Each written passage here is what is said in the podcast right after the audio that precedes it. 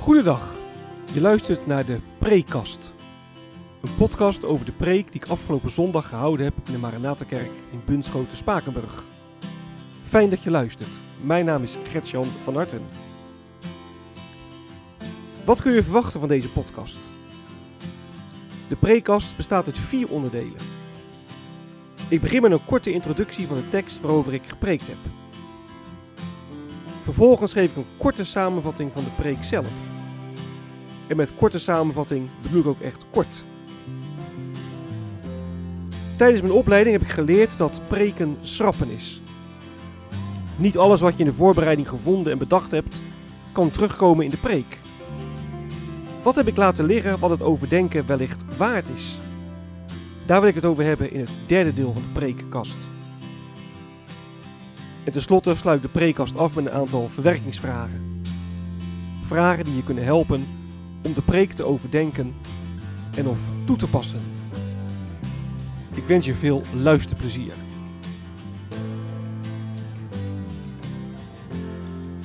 De tekst.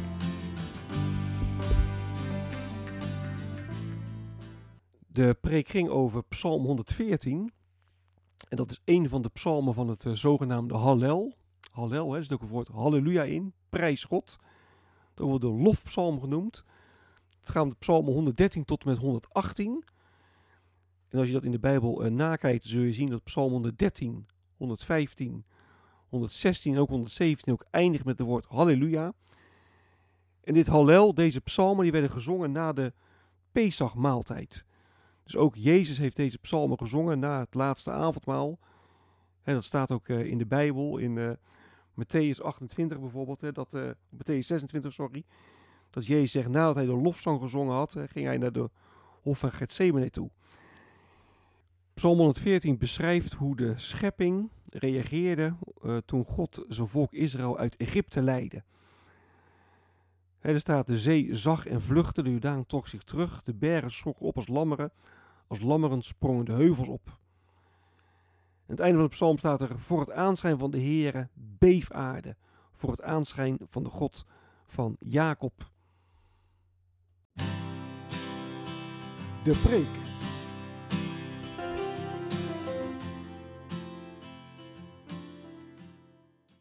God beweegt hemel en aarde. Dat was het thema van de preek. God beweegt hemel en aarde.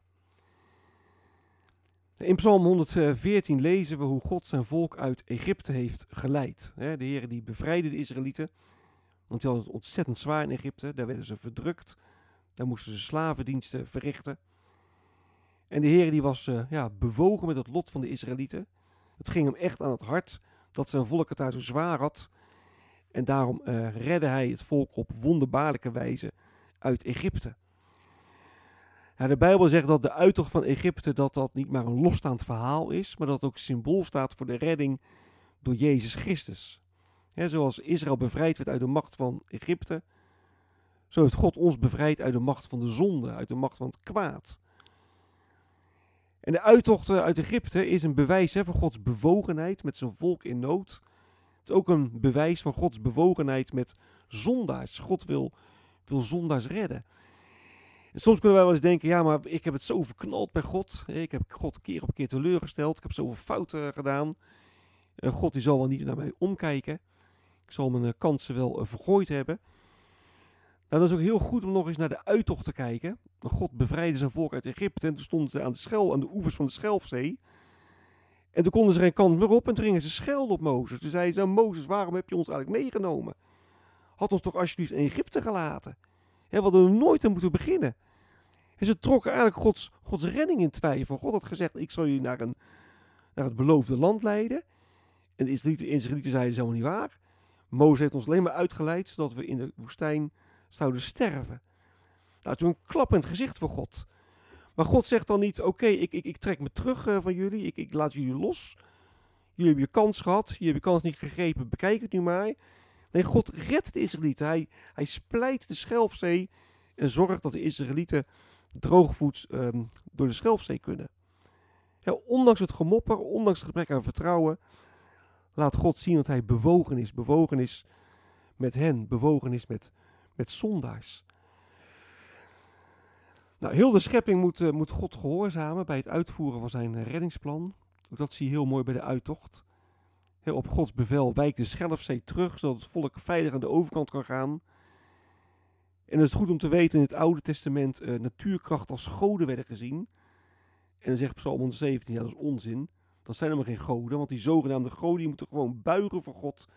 En ze moeten hem gehoorzamen. He, heel de schepping staat in dienst van God.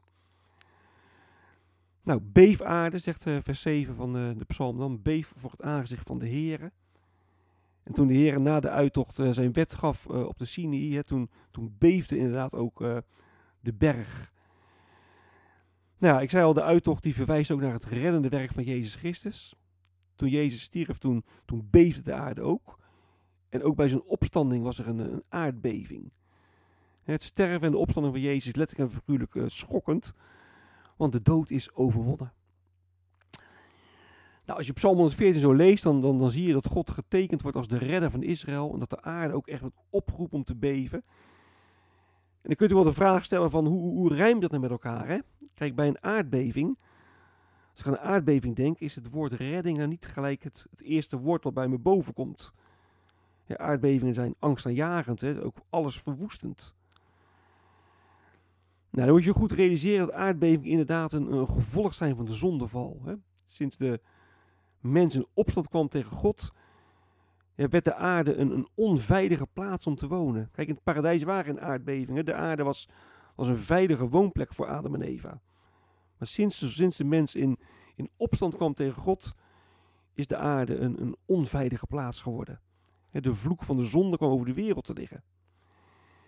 Het is niet zo leuk om dat te moeten zeggen, maar dat blijft echt zo tot de wederkomst van Jezus Christus. Jezus zegt het ook, hè, voordat ik terugkom, dan zul je horen over aardbevingen, dan hier en dan daar. En in die aardbevingen ja, moeten we ook een stuk, stuk oordeel zien. Ja, ook dat zie je wel bij de uittocht uh, uit Egypte.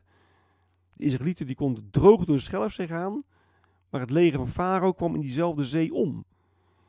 En daar gaat natuurlijk een enorme waarschuwing van uit. Hè. Als je je verzet tegen God, dan blijf je onder het oordeel liggen. Als je niet overgeeft aan het reddingsplan van God, dan, ja, dan red je het ook niet. Kijk, en bij de wederkomst straks, als Jezus terugkomt, dan zal God in het eindoordeel de aarde nog een keer laten beven. En de aarde zal echt gezuiverd worden van, ja, van al het kwaad en van alle zonde. En dan, ja, dan komt de nieuwe aarde. En dan pas zal de wereld weer een, weer een veilige plek zijn om te wonen.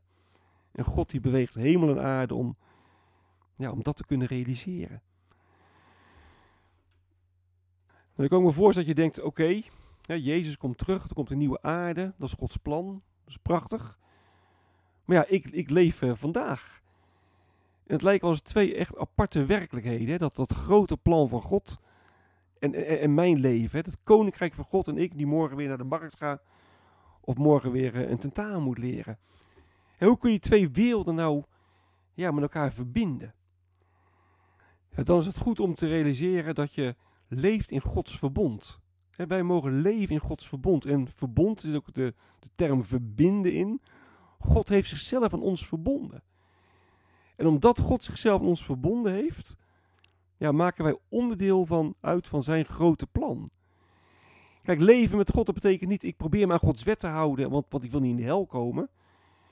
En als het dan niet lukt om Gods geboden te houden, ja, dan moet ik maar een keer diep uh, inademen en, en, en het opnieuw proberen.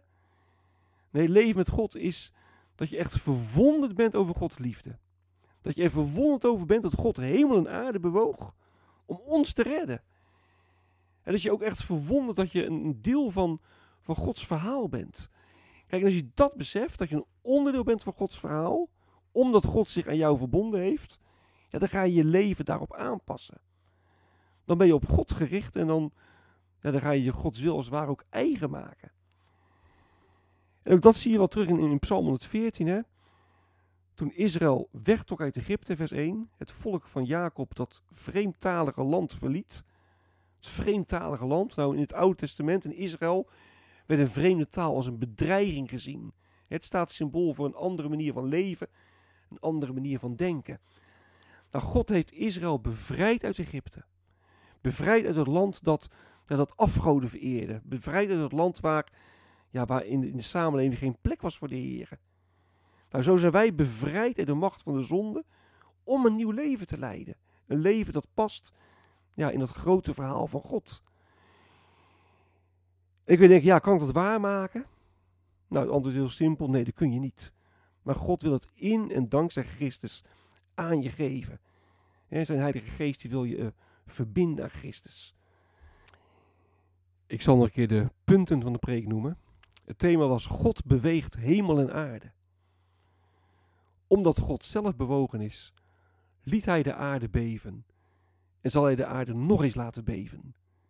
Ben jij daardoor bewogen? Wat is blijven liggen?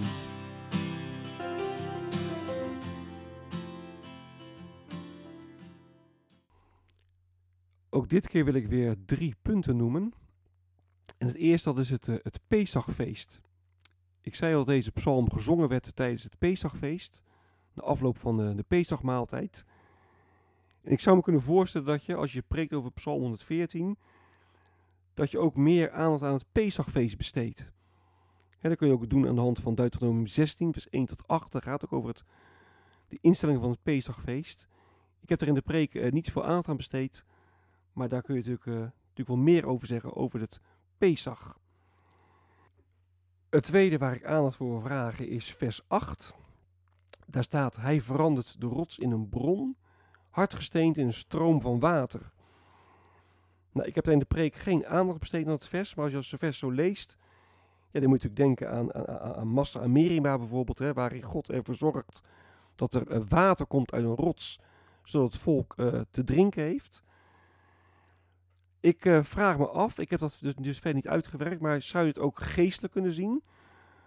Dat God harten van steen verandert in, in harten die, ja, die stromen van de geest, die, die, die stromen in het doen van goede werken.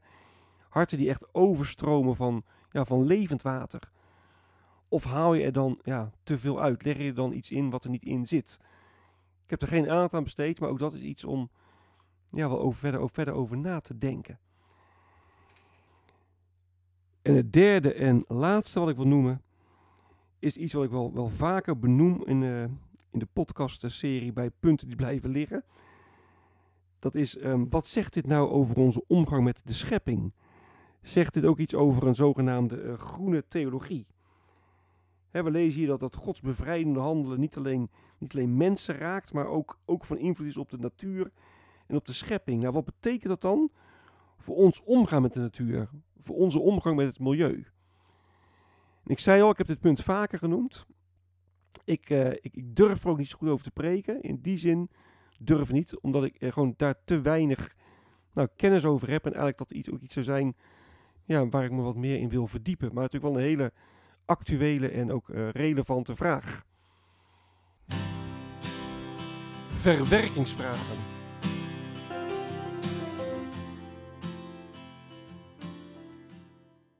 De vragen die ik dit keer op het uh, preekblad heb opgenomen zijn uh, de volgende. De eerste is: in hoeverre ervaar jij dat jouw leven onderdeel is van Gods grote verlossingsplan?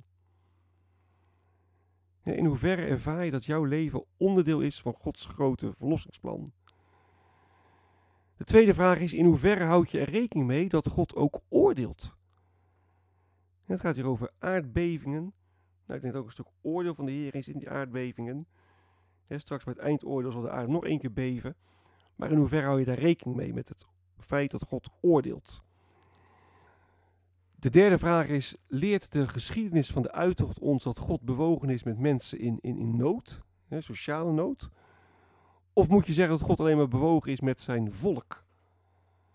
Hè, is God nou bewogen met mensen in nood of is God bewogen met zijn kinderen? Of is dit een, een tegenstelling die je helemaal niet kunt maken? En de laatste vraag is: kun je zeggen dat in een aardbeving Gods majesteit te zien is? Dat is best een spannende vraag, hè? want als je een aardbeving ziet, dat is vreselijk, al die verwoestende gevolgen. Maar kun je daar ook daarin Gods majesteit zien? Ja, ook met het oog dan natuurlijk op Psalm 114, waar de psalm zegt: Voor het aanschijn van de Heer beef aarde. Dit is het einde van de prekast. Mocht je vragen of opmerkingen hebben, dan kun je me mailen op mailadres van hartengretjan.gmail.com van hartengretjan.gmail.com Ik wens je nog een hele prettige dag. Hartelijk dank voor het luisteren. En wie weet tot een volgende keer.